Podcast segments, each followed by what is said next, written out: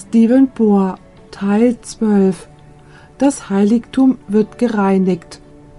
Erster Teil. Lasst uns beten. Lieber himmlischer Vater, noch einmal danken wir dir, dass wir uns in deiner Gegenwart versammeln dürfen, um dein heiliges Wort zu öffnen und die Dinge verstehen, die geschehen sind, die gegenwärtig geschehen und bald noch in dieser Welt geschehen werden. Wenn wir heute Daniel 8 studieren, brauchen wir die besondere Führung deines Heiligen Geistes. Wir bitten dich, Vater, dass du uns Verständnis gibst, dass wir fähig sein werden, dieses großartige Kapitel der Schrift zu verstehen. Ich bitte dich, Herr, dass wir dies für unseren eigenen persönlichen Weg mit Jesus verstehen mögen. Und wir danken dir, dass du unser Gebet erhörst, denn wir bitten dies im Namen Jesu. Amen. Ich möchte damit beginnen, dass ich das wiederhole, was wir in unseren letzten zwei Vorträgen studiert haben. Die erste Macht. Und wir gehen dafür zu Daniel 7 als unser Beispiel. Die erste Macht ist ein Löwe, und der stellt welches Königreich dar? Babylon. Das nächste Königreich ist welches? Medo-Persien. Das dritte Königreich, das Pantherkönigreich, ist was für eines? Griechenland. Dann haben wir ein schreckliches Drachenungeheuer, das eiserne Zähne hat. Und welche Nation stellt es dar? Es stellt das römische Reich dar. Und aus dem Kopf von diesem Drachenungeheuer kommen was hervor? Zehn Hörner, und die stellen die Teile des römischen Reiches dar, als es im Jahr 476 nach Christus auseinanderbrach. Und dann erhebt sich was zwischen den zehn Hörnern? Ein kleines Horn, ein garstiges kleines Horn, und es vollbringt alle möglichen Gräueltaten. Und wie lange regiert es? Es regiert für 1260 Jahre. Und wann begann dieser Zeitabschnitt? Im Jahr 538 nach Christus, als die Ostgoten vernichtet wurden. Sie waren das dritte der drei Hörner, das mit den Wurzeln ausgerissen worden ist. Und bis wann hat das kleine Horn regiert? Bis 1798. Und dann habt ihr bemerkt, dass die nächste Begebenheit was für eine ist? Das Gericht. So, nach was für einem Datum beginnt das Gericht? Es muss nach 1798 sein. Aber es geschieht auch, bevor die Gnadenzeit zu Ende ist, bevor Jesus kommt. Denn wir haben in Offenbarung 14, Vers 7 gesehen, dass es heißt, Fürchtet Gott und gebet ihm die Ehre, denn die Stunde seines Gerichts ist gekommen während das Evangelium noch gepredigt wird. Die Gnadenzeit kann noch nicht zu Ende sein, wenn das Evangelium noch gepredigt wird. Und nur nach der dritten Engelsbotschaft sieht man Jesus auf einer Wolke sitzen, mit einer Sichel in der Hand, und er kommt, um die Erde zu ernten. Und so haben wir in unserem Studium gesehen, dass das Gericht in der Zeit zwischen 1798 und dem Ende der Gnadenzeit tagt, obwohl uns nicht genau gesagt wird, was der tatsächliche Zeitpunkt ist. Alles, was wir haben, sind die Eckdaten. Aber die Prophezeiung, die wir in diesem und dem nächsten Vortrag studieren werden, betrifft Daniel 8, und wir werden feststellen, dass die Schrift das Datum genau festlegt, wann dieses Gericht beginnen würde. Lasst uns nun Daniel 8 aufschlagen und das Erste, was wir in diesem Kapitel sehen werden, ist, dass es nicht mit Babylon, wie in Kapitel 2 und Kapitel 7 beginnt. Es gibt kein Symbol für Babylon. In der Tat beginnt die Vision in Daniel 8 mit Medo-Persien. Ihr mögt euch vielleicht fragen, Pastor Bohr, warum beginnt Daniel 8 mit Medo-Persien, wenn Daniel 2 und 7 mit Babylon beginnen? Nun, Die traditionelle Auslegung ist, die in der Adventgemeinde gegeben worden ist, dass Babylon schon bald aus der Geschichte verschwinden wird. Aber Tatsache ist, dass diese Vision im Jahr 550 vor Christus stattfindet und Babylon würde erst elf Jahre später fallen. Es gibt noch einen weiteren wichtigen Grund, warum Babylon in dieser Vision von Daniel 8 nicht vorkommt, und ich möchte diesen Grund ganz einfach erklären. Die 2300 Tage, die in dieser Vision erklärt werden, beginnen in dem Zeitabschnitt des Persischen Reiches. Und somit beginnt die Vision. Und nun hört gut zu. Die Vision beginnt, wo die 2300 Tage beginnen. Wisst ihr? Die 2300 Tage beginnen nicht im Königreich Babylon. Sie beginnen in dem Zeitabschnitt des Persischen Reiches und deswegen beginnt die Vision der 2300 Tage mit Medo-Persien und nicht mit Babylon. Versteht ihr den Grund? Das ist ein sehr wichtiger Grund und wir werden deswegen ein bisschen später darauf zurückkommen. Lasst uns jetzt Daniel 8 aufschlagen und durch diese wunderbare Prophezeiung gehen. Es heißt dort in Vers 1 Im dritten Jahre der Regierung des Königs Belsazar ich hatte erwähnt, dass dies das Jahr 550 vor Christus ist. Erschien mir, Daniel, ein Gesicht, nach jenem, welches mir im Anfang erschienen war. Welches ist ihm das erste Mal erschienen? Die Vision, die wir im vorigen Kapitel, also in Daniel 7 finden. Nun hört gut zu. Das Wort für Vision ist ein sehr wichtiges Wort. Wisst ihr? In Daniel 8 gibt es zwei verschiedene Worte für Vision. Und wenn wir das nicht wissen, dann können wir zu keiner richtigen Schlussfolgerung kommen, wenn wir dieses Kapitel studieren. Das Wort, das hier für Vision oder Gesicht gebraucht wird, ist das hebräische Wort Chason. Versucht das nicht zu vergessen, denn es ist sehr, sehr wichtig. Lasst uns jetzt zu Vers 2 gehen. Und ich schaute im Gesichte. Hier wieder das Wort Chason. Und ich schaute im Gesichte, und es war, während ich schaute. Beachtet die Betonung darauf, dass er es mit seinen eigenen Augen sieht. Als ob ich mich in der Burg Susa, die in der Landschaft Elam liegt, befände. Susa ist eines der Hauptstädte des Medopersischen Reiches. Und ich sah mich im Gesicht. Dies ist das dritte Mal, dass das Wort Chason gebraucht wird, um die Vision zu beschreiben. Und ich sah mich im Gesicht am Flusse Ulai. Beachtet, dass hier in Vers 3 wieder die Betonung darauf ist, dass er die Vision sieht. Die Betonung darauf ist stark. Und ich hob meine Augen auf und schaute und siehe, da stand vor dem Flusse ein Widder. Ein Widder, nur ein Tier. Aber nun passt auf, wie es weitergeht. Was hatte dieser Widder? Der hatte zwei Hörner. So, dies ist eine Nation, die sich aus zwei Königreichen zusammensetzt. Hörner stellen Königreiche dar. Somit ist dies eine Nation, zusammengesetzt aus zwei Königreichen. Es heißt weiter, und beide Hörner waren hoch, aber das eine war höher als das andere, und das höhere wuchs zuletzt. Hier sind also zwei Hörner, eines ist höher als das andere, und das höhere kommt wann hervor? Zuletzt.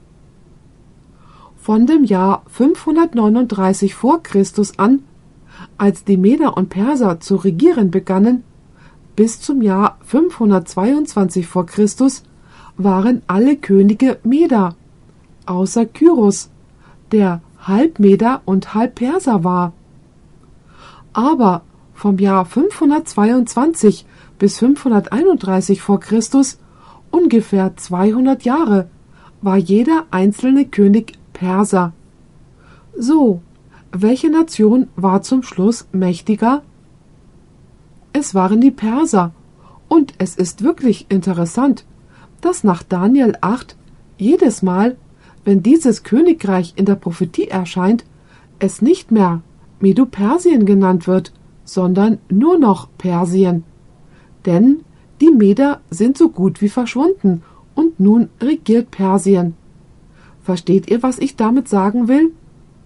Prophetie ist punktgenau, was das betrifft. Nun, diesen Kampf, den wir hier am Anfang von Daniel 8 sehen, findet auf horizontaler Ebene auf der Erde statt.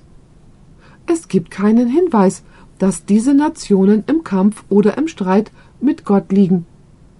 Dies ist ein geografischer Kampf auf horizontaler Ebene.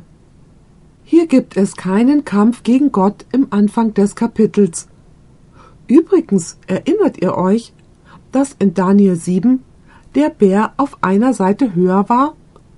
Und hier ist ein Horn, das was ist? Es ist höher als das andere. Hier ist eine Parallele. Beachtet nun Daniel Kapitel 8, Vers 4. Ich sah, wie der Widder, was die Meder und Perser darstellt, gegen Westen, Norden und Süden stieß. Wie viele Rippen hatte der Bär in Daniel 7 in seinem Maul? Drei. Und hier ist der Widder und er erobert in drei Richtungen. Nach Westen war es Babylon im Jahr 539. Nach Norden war es Lydia im Jahr 1546 und nach Süden war es Ägypten im Jahr 525 vor Christus. Und es heißt weiter und dass kein Tier vor ihm bestehen und niemand aus seiner Gewalt erretten konnte, sondern er tat, was er wollte und ward groß. Erinnert euch daran. Was wurde der Widder? Der Widder wurde groß. Das ist wichtig. Nun gibt es noch eine Macht, die sich erhebt. Geht mit mir zu Vers 5. Während ich nun aufmerkte, siehe, da kam ein Ziegenbock von Westen her. Das ist interessant. Wusstet ihr, dass Griechenland im Westen von Persien liegt? Und wusstet ihr, dass Daniel in Persien war, als er diese Vision bekam? Und so sah er, wie dieses Tier vom Westen kam. Welche Nation stellt dieser Ziegenbock dar? Griechenland. Das ist interessant. Sogar die Himmelsrichtungen sind genau und zutreffend. Und so heißt es. Während ich nun aufmerkte, siehe, da kam ein Ziegenbock von Westen her über die ganze Erde, ohne ohne was zu tun? Ohne den Erdboden zu berühren. Welches Tier hat Griechenland in Daniel 7 dargestellt? Ein Panther. Ist ein Panther schnell? Ja, aber was hatte der Panther? Vier Flügel eines Vogels. Schnell, mehr als schnell. Hier stellt der Ziegenbock die gleiche Macht dar, und sie ist so schnell, dass sie fliegt. Habt ihr schon mal einen fliegenden Ziegenbock gesehen? Oh mai! Er erobert wirklich in Windeseile und übrigens, wie ich im letzten Vortrag erwähnt habe, wie die Prophetie uns sagt, dass Alexander der Große und er wird als ansehnliches Horn dargestellt. Doch lasst uns erstmal weiterlesen und dann erzähle ich euch noch was von Alexander dem Großen. Es heißt, da kam ein Ziegenbock, ohne den Erdboden zu berühren. Und der Bock hatte was? Der Bock aber hatte ein ansehnliches Horn zwischen seinen Augen. Von diesem heißt es später noch in Kapitel 8, dass es den ersten König dieser Nation darstellt, welcher Alexander der Große ist. Alexander der Große ging den ganzen Weg von Athen bis zum Industal und in drei Jahren eroberte er die damals bekannte Welt und er starb betrunken nach einem Saufgelage, als er nur 33 Jahre alt war, denn er hatte nichts mehr weiter zu tun Es gab nichts mehr, das er noch erobern konnte. Erstaunlich, er war so schnell. Beachtet Verse 6 und 7. Und er kam auf den Widder los, der zwei Hörner hatte, den ich vor dem Flusse stehen sah, und lief wütend mit seiner ganzen Kraft gegen ihn an. Und ich sah, wie er nahe an den Widder herankam und sich erbittert auf ihn warf und den Widder schlug und ihm seine beiden Hörner zerbrach. Und da der Widder nicht stark genug war, um ihm standzuhalten, warf er ihn zu Boden und zertrat ihn, und niemand rettete den Widder aus seiner Gewalt. Findet dieser Kampf noch auf horizontaler Ebene auf der Erde statt? Ist das ein Kampf auf der Erde? Gibt es irgendwie einen Hinweis, dass der Ziegenbock irgendwie im Streit mit Gott liegt? Ganz und gar nicht. Dies ist ein geografischer Kampf zwischen Nationen auf horizontaler Ebene. Nun beachtet Vers 8. Was war mit dem Ziegenbock? Der Ziegenbock aber ward sehr groß. Wir haben gesehen, dass der Widder groß wurde. Und nun sehen wir, dass der Ziegenbock was wurde? Sehr groß. Vergesst das nicht, denn wir werden darauf zurückkommen. Also, der Ziegenbock, der Griechenland darstellt, ward sehr groß. Als er aber am stärksten war, mit anderen Worten, im Höhepunkt seiner Stärke geschah was? Zerbrach sein großes Horn. Alexander der Große starb, als Griechenland im Zenit der Macht stand. Wie ich schon gesagt habe, starb er nach einem Saufgelage. Doch beachtet, wie es weiter heißt. Und es wuchsen an dessen Stadt vier ansehnliche Hörner auf, nach den vier Himmelsgegenden hin. Wie viele Köpfe hatte der Panther? Der Panther hatte vier Köpfe. Nun, wie viele Hörner kamen hervor, nachdem das große Horn zerbrochen war? Es waren auch vier. Daniel 7 und Daniel 8 sind Parallelprophetien. Nun müsst ihr verstehen, was geschah, nachdem Alexander der Große starb. Nachdem er starb, gab es einen Streit zwischen seinen Generälen, die Macht im Königreich zu erlangen, und eine Zeit lang gab es drei Königreiche und dann vier Königreiche und manchmal nur noch zwei Königreiche. Aber schließlich kamen vier Königreiche aus dem hervor, was das Reich Alexander des Großen war. Ich möchte euch ein Zitat vorlesen, das in dem Buch von W. W. Tarn Hellenistische Zivilisation auf Seite 6 steht, wo er diese vier Königreiche erklärt. Er sagt folgendes Zum Jahr 275 vor Christus sind zwei Dynastien von drei seiner Generäle hervorgekommen, und sie waren wohl gegründet. Die im Übrigen vom Jahr 312 bis 63 vor Christus regierten. Er sagt weiter. Die Seleukiden regierten ein Reich, das hauptsächlich ein persisches Reich in Asien gewesen ist. Die Ptolemiten, die von 323 bis 30 vor Christus regierten, beherrschten Ägypten und die Antigoniten, die von 238 bis 168 vor Christus regierten, beherrschten Mazedonien. Eine vierte europäische Dynastie, die mit Alexander dem Großen nicht verbunden war, die Akaliten von Pergamon 263 bis 133 vor Christus kamen dann später auf Kosten der Seleukiden aus Kleinasien hervor und sie wurden groß durch die Gnade Roms. Somit waren diese vier Königreiche vier stabile Königreiche, die eine bedeutende Zeit bestanden. Es waren die Seleukiden, Ptolemiten, Antigoniten und die Alakiten in Pergamon. Ich möchte nur erwähnen, dass viele Gelehrte, wahrscheinlich die meisten römischen und protestantischen Gelehrten geglaubt haben, dass dieses kleine Horn das von diesen vier Hörnern gekommen ist, nach den vier Himmelsgegenden hin, eine widerliche Person mit Namen Antiochus Epiphanes darstellt. Es war ein syrischer Herrscher, der vom Jahr 171 bis 163 vor Christus herrschte.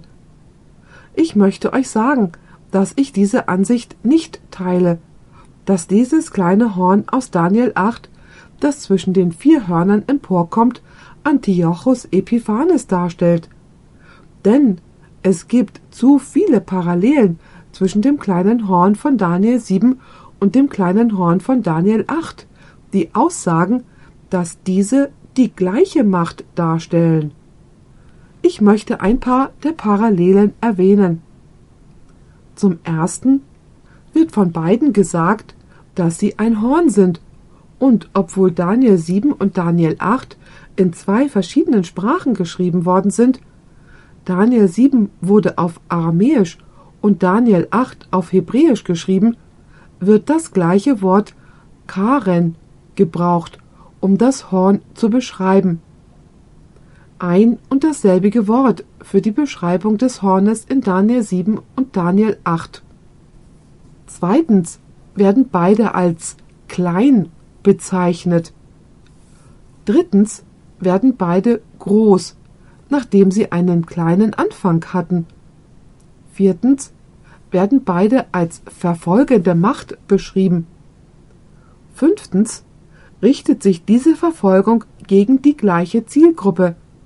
Das ist gegen das Volk des Allerhöchsten. Sechstens sind beide sich selbst erhöhende und lästernde Mächte. Siebtens werden beide als verschlagene Intelligenzen hervorgehoben. Eines hat die Augen eines Menschen. In Daniel 7, Vers 8 und in Daniel 8, Verse 23 und 25 ist das kleine Horn klug, hinterhältig und betrügt. Achtens. Beide stellen die letzte Macht dar, die auf dieser Welt regieren wird. Neuntens. Beide dieser Hörner haben mit prophetischer Zeit zu tun. Zehntens. Beide dieser Hörner reichen bis zum Ende der Zeit. Und elftens. Beide Hörner werden übernatürlich zerstört, wenn Jesus kommt. Mit anderen Worten, das kleine Horn in Daniel 8 stellt die gleiche Macht dar wie das kleine Horn in Daniel 7. Ich möchte euch ein Zitat von meinem Lehrer am Seminar in Michigan der Andrews Universität, William Shea, vorlesen, ein überragender Gelehrter des Alten Testamentes. Aus dem Buch Symposium on Daniel, übersetzt Fachtagung über Daniel, Seite 187, ist dies, was er schreibt. Wenn der Prophet, das ist Daniel, gewollt hätte, dass er verschiedene Mächte in diesem Zeitabschnitt dargestellt hätte, hätte er verschiedene Symbole benutzen können. Aber stattdessen hat er das gleiche Symbol des kleinen Hornes am Ende von Kapitel 8 benutzt, so wie er es am Ende der Vision in Kapitel 7 getan hat. Diese Gleichheit der Darstellungen deutet an, dass das gleiche Symbol benutzt wurde, um dieselbe Macht in beiden Fällen darzustellen. So, mit anderen Worten, das kleine Horn in Daniel 7 und auch in Daniel 8 stellt im Grunde genommen die gleiche Macht dar. Nun gibt es da ein Problem. In Daniel 7 kommt das kleine Horn aus dem Kopf des vierten Tieres empor. In Daniel 8 steigt das kleine Horn aus einem der vier Hörner empor, die ein Teil des gespaltenen Reiches von Alexander dem Großen waren. So sagt ihr vielleicht. Es macht den Eindruck, dass in Daniel 7 dieses kleine Horn von Rom kommt, aber in Daniel 8 kommt dieses kleine Horn aus einem der vier Teile des Reiches von Griechenland hervor, dem Reich von Alexander dem Großen. Nun, dieses Problem ist nicht so schwer, wie manche Leute glauben. Lasst uns nun zu Daniel 8, Vers 9 gehen. Es heißt hier, und aus einem derselben, Das ist eines der vier Hörner nach den vier Himmelsgegenden hin, und was geschah? Und aus einem derselben wuchs ein kleines Horn hervor, das wurde übermäßig groß. Gibt es hier eine Steigerung? Der Widder war was? Groß. Der Ziegenbock war was? Sehr groß. Und das kleine Horn war übermäßig groß. Deswegen glaube ich nicht, dass das kleine Horn Antiochus Epiphanes sein kann, denn Antiochus Epiphanes war keine bedeutende Person in der Geschichte. Er war nicht größer als die Meder, Perser und die Griechen. Es gibt andere Gründe, warum dieses kleine Horn nicht Antiochus Epiphanes ist. So beachtet, wie es weiter heißt. Und aus einem derselben wuchs ein kleines Horn hervor. Das wurde übermäßig groß gegen den Süden. Das ist Griechenland, Kleinasien und Syrien. Und gegen den Osten. Das ist Ägypten. Und gegen das herrliche Land. Das ist Israel. Nun hört gut zu. Es gibt ein Königreich, das in diese drei Richtungen eroberte, um zur Macht zu gelangen. Und diese Nation war welche? Rom. Wenn ihr die Geschichte betrachtet, werdet ihr sehen, dass Rom den Süden, also Ägypten, eroberte, den Osten, was Griechenland, Kleinasien und Syrien ist, wo die vorherige Macht geherrscht hat, und das herrliche Land, welches wessen Land ist? Das Land von Israel. Nun hört gut zu, was ich sagen werde. In Daniel 8 stellt das kleine Horn beides dar, das heidnische Rom und das päpstliche Rom. Und ihr werdet sehen, wenn wir diese Prophezeiung studieren, dass das kleine Horn zuerst nur horizontal und geografisch erobert. Aber plötzlich verändert dieses kleine Horn, das nur nach Süden, Osten und Westen erobert hat, seine Richtung und kämpft nun gegen wen? Es kämpft gegen den Gott des Himmels. Ist das wahr, was in Daniel 7 mit Rom passierte? Die eiserne Monarchie Roms eroberte horizontal, aber plötzlich tut das kleine Horn, das auch Rom ist, was? Es spricht Lästerungen gegen den Allerhöchsten aus, und es verfolgt die Heiligen des Allerhöchsten, und es denkt, es kann das Gesetz des Allerhöchsten verändern. Aber jetzt fragt ihr vielleicht, warum ist dieses kleine Horn dargestellt, dass es aus einem der vier Königreiche hervorkam, die von Alexander dem Großen herrührten. Lasst mich euch erzählen, warum. Der Grund dafür ist, dass Historiker solche wie Vergil, habt ihr jemals von Vergil oder Seneca gehört? Seneca und andere Historiker von Rom machten es sehr deutlich, dass die römische Religion, die römische Zivilisation und die römische Kultur ihren Ursprung in Kleinasien hatten, besonders in Pergamon. Und das war eines der Königreiche, in das das Königreich von Alexander dem Großen aufgeteilt wurde. Mit anderen Worten, es ist absolut wahr, dass das römische Reich aus Kleinasien herausgewachsen ist. Es ist aus dem Königreich Pergamon herausgewachsen, welches eines der vier Königreiche war, das sich nach dem Fall von Alexander dem Großen formte. Lasst uns nun zu Daniel 8, Vers 10 gehen.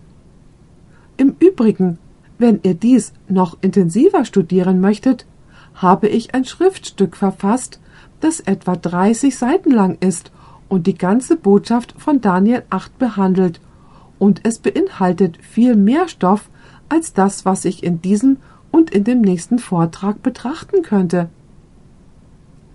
Wenn ihr euch also in ein vertieftes Studium begeben wollt, ich habe Zitate von Historikern, dass die römische Zivilisation, Religion und Kultur sich aus eines dieser Königreiche von Griechenland erhoben hat.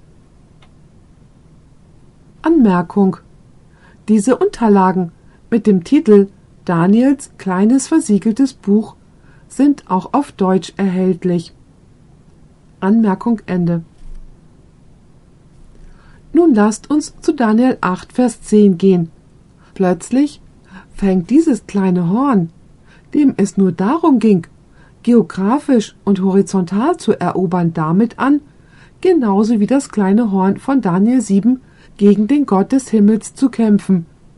Nun wird sein Kampf vertikal. Beachtet Daniel 8, Vers 10. Es heißt hier, und es wuchs bis sich. Bis wohin wuchs es? Bis an das Heer des Himmels heran und warf von dem Heer und den Sternen etliche auf die Erde und zertrat sie. Und nun ist die Frage, was stellen das Heer und diese Sterne dar? Wir mögen versucht sein zu denken, dass dies Engel sind, aber ich denke nicht, dass das kleine Horn fähig dazu war, die Engel zu ergreifen und auf den Boden zu werfen und auf ihnen herumzutreten. In der Tat benutzt die Bibel das Wort Heer nicht nur um das himmlische Heer Gottes zu beschreiben, sondern auch um sein Volk auf Erden, seine Armee auf Erden zu beschreiben, denn in der Heiligen Schrift wird die Gemeinde als was beschrieben? Als eine Armee. Lasst mich das beweisen. Geht mit mir zu 1. Samuel 17, Vers 45. Es heißt hier, David aber sprach zu dem Philister, Du kommst zu mir mit Schwert, Speer und Wurfspieß. Ich aber komme zu dir im Namen des Herrn der Herrscharen, des Gottes der Schlachtreihen Israels, die du verhöhnt hast. So, was ist das Heer? Was sind die Schlachtreihen? Die Armee Israels. Was macht also dieses kleine Horn Wen wirft es nieder? In Daniel 7 heißt es, dass das kleine Horn die Heiligen des Allerhöchsten verfolgen wird. So stellen hier die Sterne oder Gottes Heer was dar? Sie stellen Gottes Volk dar. Wir werden dies noch später im Kapitel ganz klar ausgedrückt finden. Und das Erste, was dieses kleine Horn macht, ist das gleiche wie das, was das kleine Horn aus Daniel 7 tut. Es verfolgt die Heiligen, wirft sie zu Boden und tritt auf ihnen herum. Aber dann seht ihr in Daniel 8, Vers 11, dass er noch weiter geht. Hier heißt es, dass er sich erhob. Bis wohin? Ja, bis zum Fürsten des Heeres erhob es sich. Mit anderen Worten, bis zum Führer des Heeres. Und von ihm, das ist von dem kleinen Horn, ward das tägliche Opfer. Ihr müsst das Wort Opfer ausstreichen, denn es ist nicht im Hebräischen, da steht nur das Wort tägliche, und wir werden gleich noch darauf zurückkommen. Und von ihm, das ist von dem kleinen Horn, ward das tägliche Opfer. Was hat es mit dem täglichen getan? Aufgehoben und seine heilige Wohnung. Und was geschah mit seiner heiligen Wohnung, dem Heiligtum? Und seine heilige Wohnung verwüstet. Interessant. Jetzt ist die Frage, wer ist der Fürst des Heeres? Nun, dieser identische Ausdruck wird nur an einer Stelle in der Bibel verwendet. Josua 5, Verse 13 bis 15. Lasst uns herausfinden, wer der Fürst des Heeres ist, von dem das tägliche weggenommen und das Heiligtum niedergeworfen wird. Beachtet Josua 5, Verse 13 bis 15. Dies findet außerhalb der Stadt Jericho statt, und wir haben das schon einmal gesehen. Josua begegnet diesem Mann mit seinem Schwert in der Hand und es heißt, es begab sich aber, als Josua bei Jericho war, dass er seine Augen aufhob und sich umsah, und siehe, ein Mann stand ihm gegenüber, der hatte ein bloßes Schwert in seiner Hand. Und Josua ging zu ihm und sprach zu ihm, Gehörst du uns an oder unseren Feinden? Er sprach, Nein, sondern ich bin der Fürst über das Heer des Herrn. Jetzt bin ich gekommen. Dieser Ausdruck Fürst über das Heer des Herrn ist die identische Beschreibung wie im ersten Text Fürst des Heeres. In manchen Bibelübersetzungen wird es nicht gleich übersetzt, aber im Hebräischen ist es identisch. Und so sagt er, sondern ich bin der Fürst über das Heer des Herrn. Jetzt bin ich gekommen. Und was hat Josua dann getan? Wie heißt es hier? Da fiel Josua auf sein Angesicht zur Erde und hat was getan? War dies ein gewöhnlicher, herkömmlicher Mensch? Nein, dies war Jesus. Und betete an und sprach zu ihm, Was sagt der Herr seinem Knechte? Und der Fürst über das Heer des Herrn sprach zu Josua, Ziehe deine Schuhe aus von deinen Füßen, denn der Ort, darauf du stehest, ist heilig. Und Josua tat also. Wer war der Fürst des Heeres? Es war niemand anderes als Jesus Christus. Was macht also das kleine Horn? Es greift sogar den Fürst des Heeres, Jesus Christus, an, und dann nimmt er ihm sogar noch etwas weg. Was ist das? Das tägliche, und er wirft die Heiligen zu Boden. Nun fragt ihr vielleicht, was ist mit das tägliche gemeint? Wie ich schon erwähnt habe, das Wort Opfer gibt es dort nicht. Es wurde von den Übersetzern hinzugefügt, aber im hebräischen Originaltext ist es nirgendwo zu finden. Wisst ihr, die Übersetzer dachten, dass dieses kleine Horn Antiochus Epiphanes darstellte. Und Antiochus Epiphanes hatte die Opfer im Tempel für drei Jahre ausgelöscht. Und weil sie an die Tat von Antiochus Epiphanes dachten, übersetzten sie das tägliche Opfer. Tatsache ist, dass das tägliche ein Eigenschaftswort ist, das kein Hauptwort hat, um es genau zu bestimmen. Dieses Wort bedeutet einfach nur dass etwas immer und immer und immer weitergeht, ohne Unterbrechung. Mit anderen Worten, es ist ein technischer Begriff und sollte nicht als ein Eigenschaftswort verstanden werden. Obwohl dies technisch ist, sollte es als Hauptwort verstanden werden. Und somit ergibt sich die Frage, er nahm das tägliche was weg? Nun, es muss irgendwas mit dem Heiligtum zu tun haben, richtig? Denn das ganze Thema von Daniel 8 dreht sich um das Heiligtum, stimmt das? Sogar die zwei Tiere, die ihr in Daniel 8 findet, sind die zwei wichtigsten Tiere des Heiligtums. Beim täglichen Dienst wurde am Morgen und Abend ein Witter geopfert und beim jährlichen Dienst ein Ziegenbock.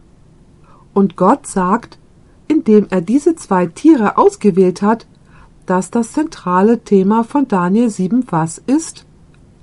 Das Heiligtum. Das kleine Horn nahm das tägliche weg. So ist die Frage, welches tägliche? Was war es? Nun müssen wir uns die Antwort im Heiligtum ansehen. Wird dieses Wort in Verbindung mit dem Heiligtum gebraucht? So ist es. Nun möchte ich euch sagen, dass dieses Wort in Verbindung mit dem Dienst des Priesters im Vorhof und im Heiligen des Heiligtums gebraucht wird. Es wird niemals gebraucht, um das zu beschreiben, was der Priester im Allerheiligsten tat. Es wurde gebraucht, um sich auf das zu beziehen, was er im Vorhof und im Heiligen des Heiligtums getan hat.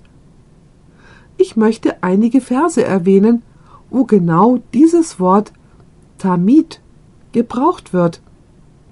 2. Mose 28, Vers 30. Hier ist die Rede vom hohen Priester, der im Heiligen gedient hat, und die Bibel sagt, dass er alle Zeit diente. Beachtet, wie es hier heißt. Und du sollst das Brustschildlein für die Rechtspflege, das Licht und Recht legen, dass sie auf dem Herzen Aarons sein, wenn er hineingeht vor dem Herrn. Und also soll Aaron die Rechtspflege der Kinder Israel alle Zeit auf seinem Herzen tragen vor dem Herrn. Alle Zeit ist hier das Wort Tamid. Beachtet die ähnliche Sprache in Hebräer 7, Verse 23 bis 25, wo es von Jesus spricht. Hier ist die Rede vom alten System. Es heißt, und jene sind in großer Anzahl Priester geworden, weil der Tod sie am Bleiben verhinderte. Seht ihr das Wort bleiben? Sie konnten nicht länger bleiben oder weitermachen, weil sie gestorben sind.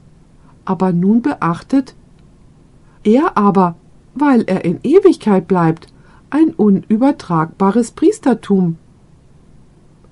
Daher kann er auch bis aufs äußerste die retten, welche durch ihn zu Gott kommen, da er, da er was tut? Da er immer da lebt, um für sie einzutreten. Ist der Fürsprecherdienst Jesu ständig oder immer da? Ist er Tamid? Wisst ihr, dieses Wort sollte noch nicht einmal als täglich übersetzt werden, sondern andauernd, ständig oder immer. Beachtet 2. Mose 29, Vers 42. Es wird sich auch auf die Opfer, die morgens und abends dargebracht worden sind, mit dem Wort Tamid, also mit ständig bezogen. Es heißt, das soll das beständige Brandopfer eurer Geschlechter sein vor dem Herrn, vor der Tür der Stiftshütte, wo ich mit euch zusammenkommen will, um mit euch zu reden. Beachtet, was war das Opfer? Es war das beständige Brandopfer. Das Feuer, das die Opfer verbrannte, war auch ein beständiges Feuer. Beachtet 3. Mose 6, Vers 6. Es heißt, ein beständiges Feuer soll auf dem Altar brennen. Es soll nie erlöschen. Mit anderen Worten, es sollte ständig ununterbrochen brennen. Das Brot auf dem Tisch wird das ständige Brot genannt. Beachtet 3. Mose 25, Vers 30. Und du sollst alle Zeit Schaubrote auf den Tisch legen vor mein Angesicht. Es wird mit alle Zeit übersetzt, aber es ist das Wort Tamid. Beachtet auch, dass die sieben Lampen des Heiligen die beständigen Lampen genannt werden. 3. Mose 24, Verse 1 bis 4. Und der Herr redete zu Mose und sprach, Gebiete den Kindern Israel, dass sie zu dir bringen lauteres Öl aus zerstoßenen Oliven für den Leuchter. Hier ist wieder das Wort, um beständig Licht zu unterhalten. Draußen vor dem Vorhang des Zeugnisses in der Stiftshütte soll es Aaron zurichten. Hier ist noch einmal das Wort, dass es stets brenne vor dem Herrn, vom Abend bis zum Morgen, eine ewige Ordnung für eure Geschlechter. Auf dem reinen Leuchter soll er die Lampen zurichten vor dem Herrn, beständig. Und hier war ein weiteres Mal das Wort beständig. So, das tägliche oder beständig bezieht sich auf das Opfer, auf den Dienst des Priesters im Heiligen, auf das Feuer, das im Vorhof dargebracht wurde. Es bezieht sich auf die Schaubrote. Es bezieht sich auf die sieben Leuchter und es bezieht sich auf den goldenen Räucheraltar im Heiligen. Beachtet 2. Mose 30, Vers 8. Es heißt hier, Desgleichen Wenn Aaron in den Abendstunden die Lampen anzündet, soll er auch solches Räucherwerk anzünden. Was soll dieses Räucherwerk sein? Es soll ein beständiges Räucherwerk sein vor dem Herrn in euren künftigen Geschlechtern. Ich möchte euch nun fragen, was stellen der Altar, der siebenarmige Leuchter, die Schaubrote, der Räucheraltar und der Priester dar? Sie stellen die verschiedenen Blickpunkte des Erlösungsdienstes von wem dar? Des Erlösungsdienstes Jesu Christi. Nun beachtet, was würde mit dem Heiligtum geschehen? Es würde zu Boden geworfen. Wo dient Jesus? Er dient im himmlischen Heiligtum. Was würde das kleine Horn tun? Das kleine Horn würde den himmlischen Dienst Christi nehmen, und was würde es damit machen? Zu Boden werfen. Er würde einen gleichgestellten, konkurrierenden weltlichen Dienst anstelle des Dienstes Jesu Christi aufrichten. Ich möchte euch was fragen. Wie oft muss Jesus sterben?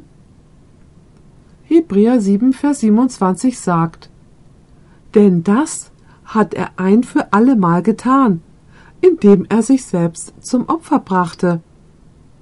Aber in der römisch-katholischen Kirche wird gelehrt, dass Jesus bei jeder Messe wieder gekreuzigt wird. Interessant, aber es gibt noch mehr. Sie lehren auch, dass Jesus sich in jedem dieser kleinen Oblaten, der Hostie, befindet. Wenn zehn Millionen Menschen teilnehmen, wenn die Hostie ausgeteilt wird, dann befindet sich Christus vollständig in jeder einzelnen Hostie. Weiterhin ist es interessant, dass die Hostie was für eine Form hat? Sie ist rund. Und welche Farbe hat sie? Sie ist gelblich. Was ist rund und gelb? Die Sonne. Nun hört aufmerksam zu. Die Hostie wird in einem kunstvoll gefertigten Behältnis aufbewahrt, das sich die Monstranz nennt. Anmerkung.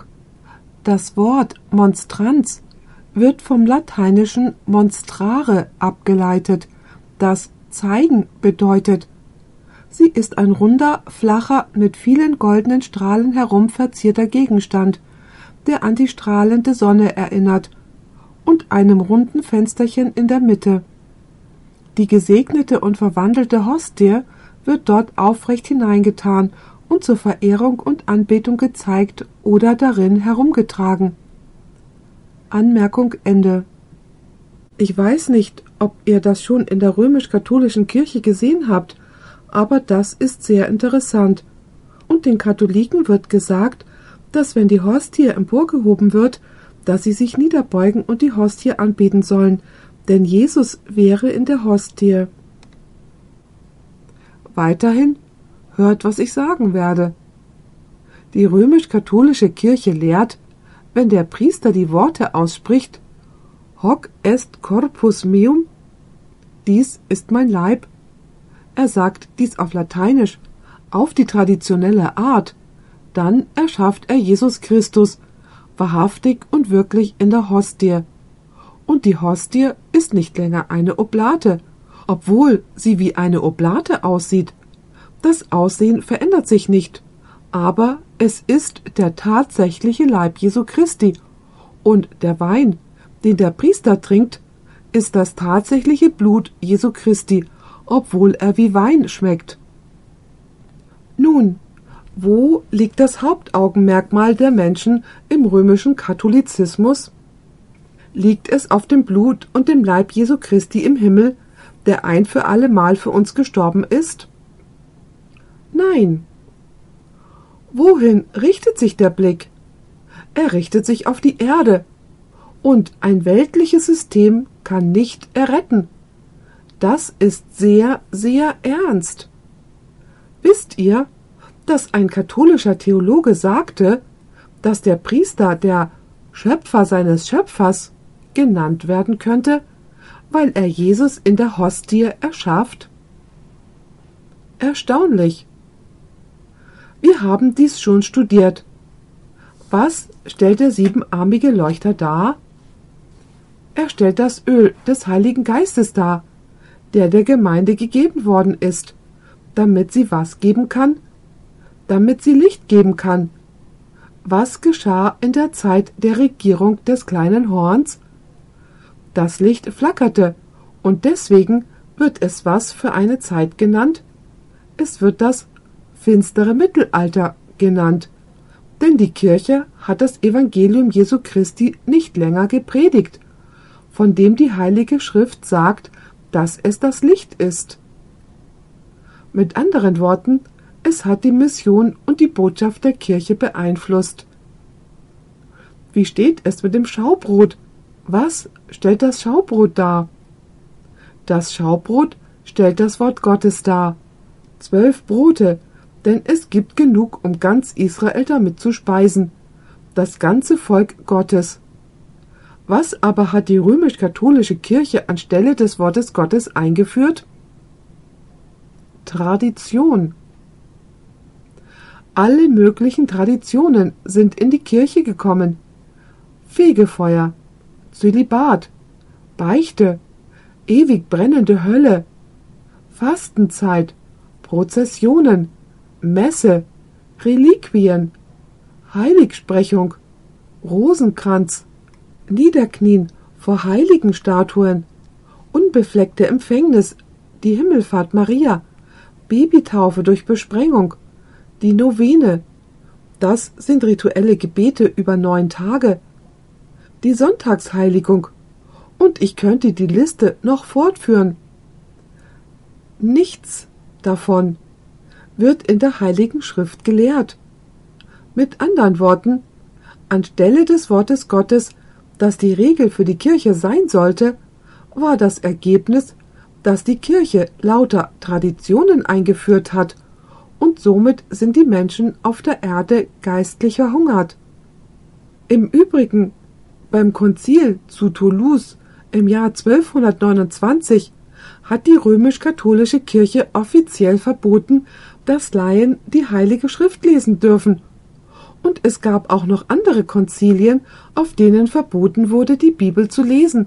Und aus diesem Grund war Martin Luther, obwohl er ein Mönch war, sehr überrascht, als er die Bibel entdeckte. Die Bibel war nicht zugänglich, denn sie war auf Latein geschrieben. In der Tat Leute wie Wycliffe, wisst ihr, als er die Bibel auf Englisch übersetzt hat, haben sie ihn auf dem Scheiterhaufen verbrannt. Dafür, dass er die Bibel in eine Sprache übersetzt hat, die die Menschen verstehen konnten. Und anstelle des Brotes hat die römisch-katholische Kirche die Traditionen gestellt. Ich möchte euch was fragen. Was stellt der Räucheraltar dar? Der Räucheraltar stellt dar, dass, wenn wir beten, unsere Gebete mit der vollkommenen Gerechtigkeit Jesu verschmelzen und wir vor Gott angenommen werden. Frage Was hat die römisch-katholische Kirche anstelle der einzigen Fürsprache Christi eingeführt? 1. Johannes 2, Vers 1 sagt Und wenn jemand sündigt, so haben wir einen Fürsprecher bei dem Vater, Jesus Christus, den Gerechten. Was lehrt aber die katholische Kirche? Sie sagen, dass wir vor wem bekennen müssen?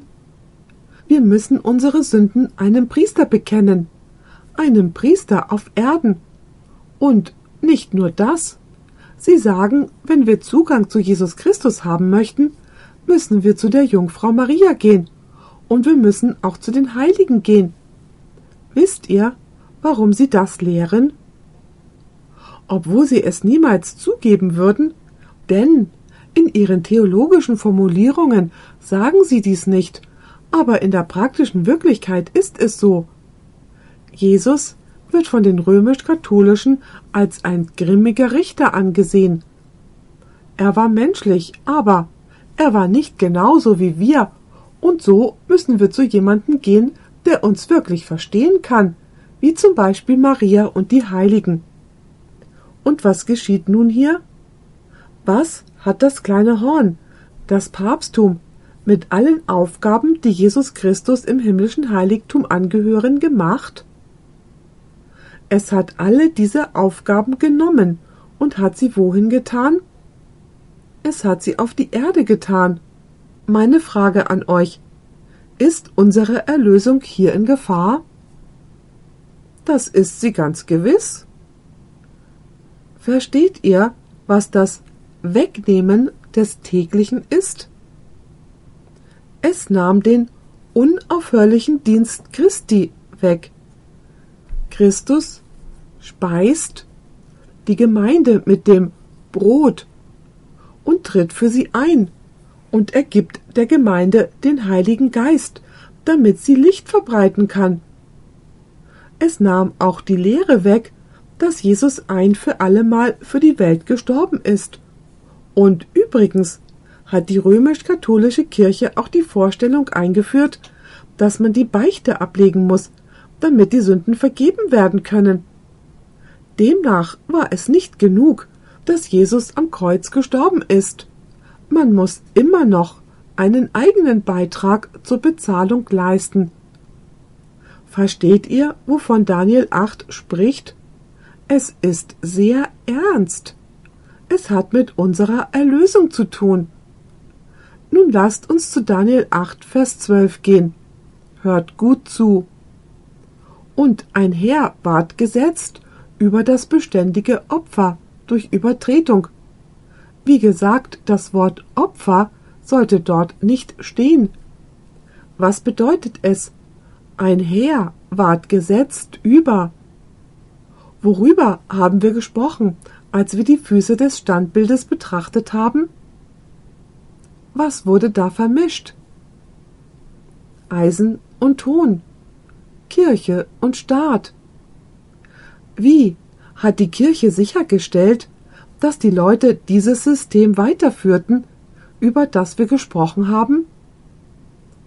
Die Kirche konnte es als Kirche alleine nicht tun. Sie brauchte eine Armee dazu. Sie brauchte eine politische Macht, um ihr Rückenstützung zu geben. Ist das genau das, was im finsteren Mittelalter passiert ist? Hat sich die Kirche an den Arm des Staates gewandt, um jeden zu bestrafen, der mit ihrem Glauben und Handlungen nicht übereinstimmte? Alles, was ihr tun müsst, ist die Geschichtsbücher zu lesen. Und so heißt es. Und ein Heer ward gesetzt über das Beständige, durch Übertretung, und die Wahrheit wurde zu Boden geworfen. Und nun schaut euch das an. Er hat all dies getan. Und was war? Und sein Unternehmen gelang ihm. Hatte das kleine Horn damit Erfolg, als es die Heiligen verfolgte? Ja, es hatte großen Erfolg. Alles ging gut. War es notwendig, ein Gericht im Himmel abzuhalten, um die Dinge wieder richtig zu stellen? Was meint ihr? Absolut. Und dazu kommen wir gleich. Beachtet, wie es weiter heißt. Und das Wort gelang das hier benutzt wird, ist der gleiche Sinn, wie es für das kleine Horn in Daniel 7 gebraucht wird. Nun, wenn wir an diesem Punkt der Vision ankommen, gibt es eine Unterbrechung im Video. Und Daniel kann nur noch Audio hören. Daniel 8, Verse 13 und 14. Er hört eine Unterhaltung zwischen zwei Engeln. Und ich hörte einen Heiligen reden und ein anderer Heiliger fragte den Betreffenden, der da redete, wie lange sollen nach dem Gesicht? Das ist das Wort Chason. Ich möchte euch was fragen. Was schließt das Wort Chason ein? Es schließt die ganze Vision ein, richtig? Schließt dies Medo-Persien ein? Schließt es Griechenland ein? schließt es den ersten König von Griechenland, die vier Hörner und das kleine Horn im ersten und zweiten Abschnitt ein? Das ist die Vision, das ist das Chason. Und so ist die Frage, Wie lange? Eine bessere Übersetzung wäre bis wann? Sollen nach dem Gesicht, sollen also nach dem Chason, die Aufhebung des beständigen Opfers. Wie gesagt, streich das Wort Opfer, es gehört dort nicht hin. Und der verheerende Frevel und die Zertretung des Heiligtums und des Heeres wären. Wisst ihr, es gibt eine ähnliche Begebenheit dazu in Offenbarung 6, Verse 9 bis 11. Dort sind die Märtyrer, die unter dem Altar sind. Dies ist das fünfte Siegel. Ich wünschte, wir hätten Zeit darüber zu sprechen, denn es ist der gleiche geschichtliche Zeitrahmen. Sie rufen, denn sie wurden von der Kirche niedergemäht. Die Kirche, die behauptet, die Kirche Jesu Christi zu sein.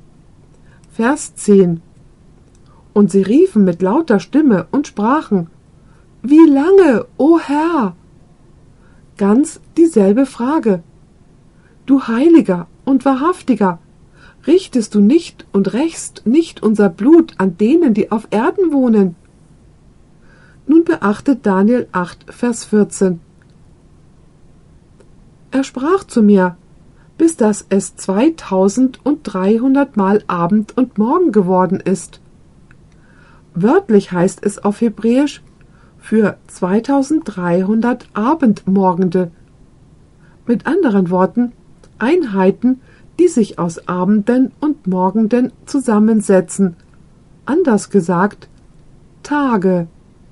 Also für 2300 Tage. Und was würde dann sein?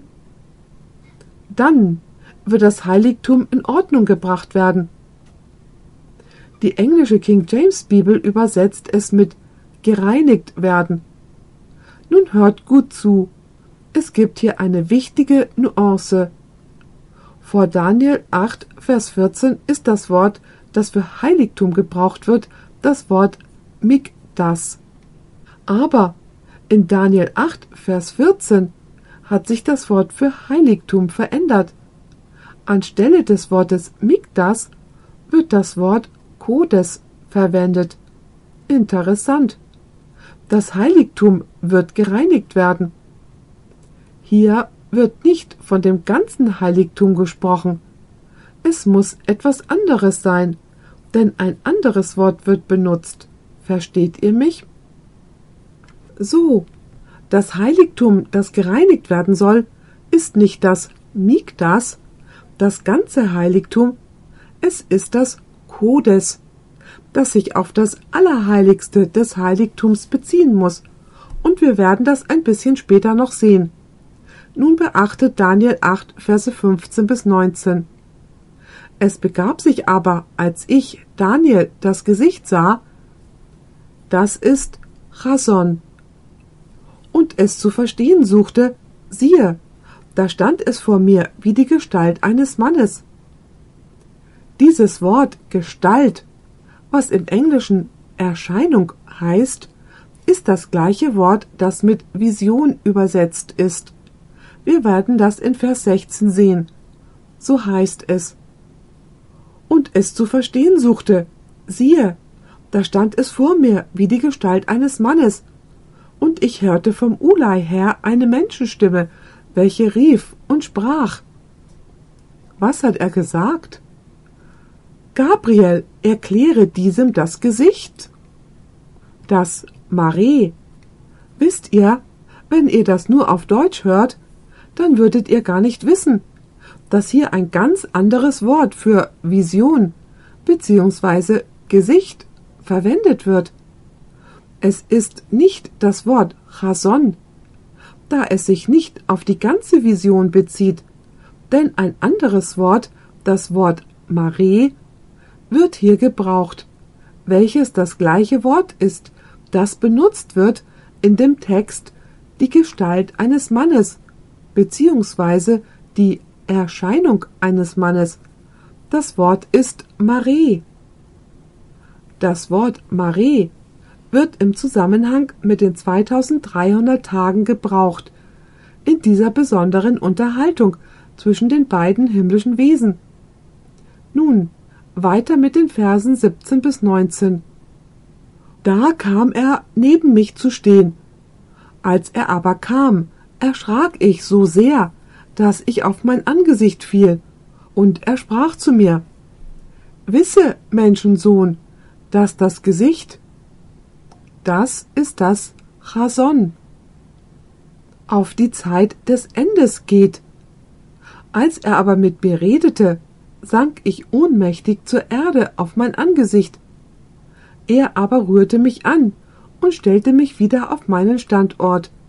Und er sprach, siehe, ich tue dir kund, was das Zorngericht für einen Ausgang nehmen wird, denn zu einer bestimmten Zeit wird das Ende sein.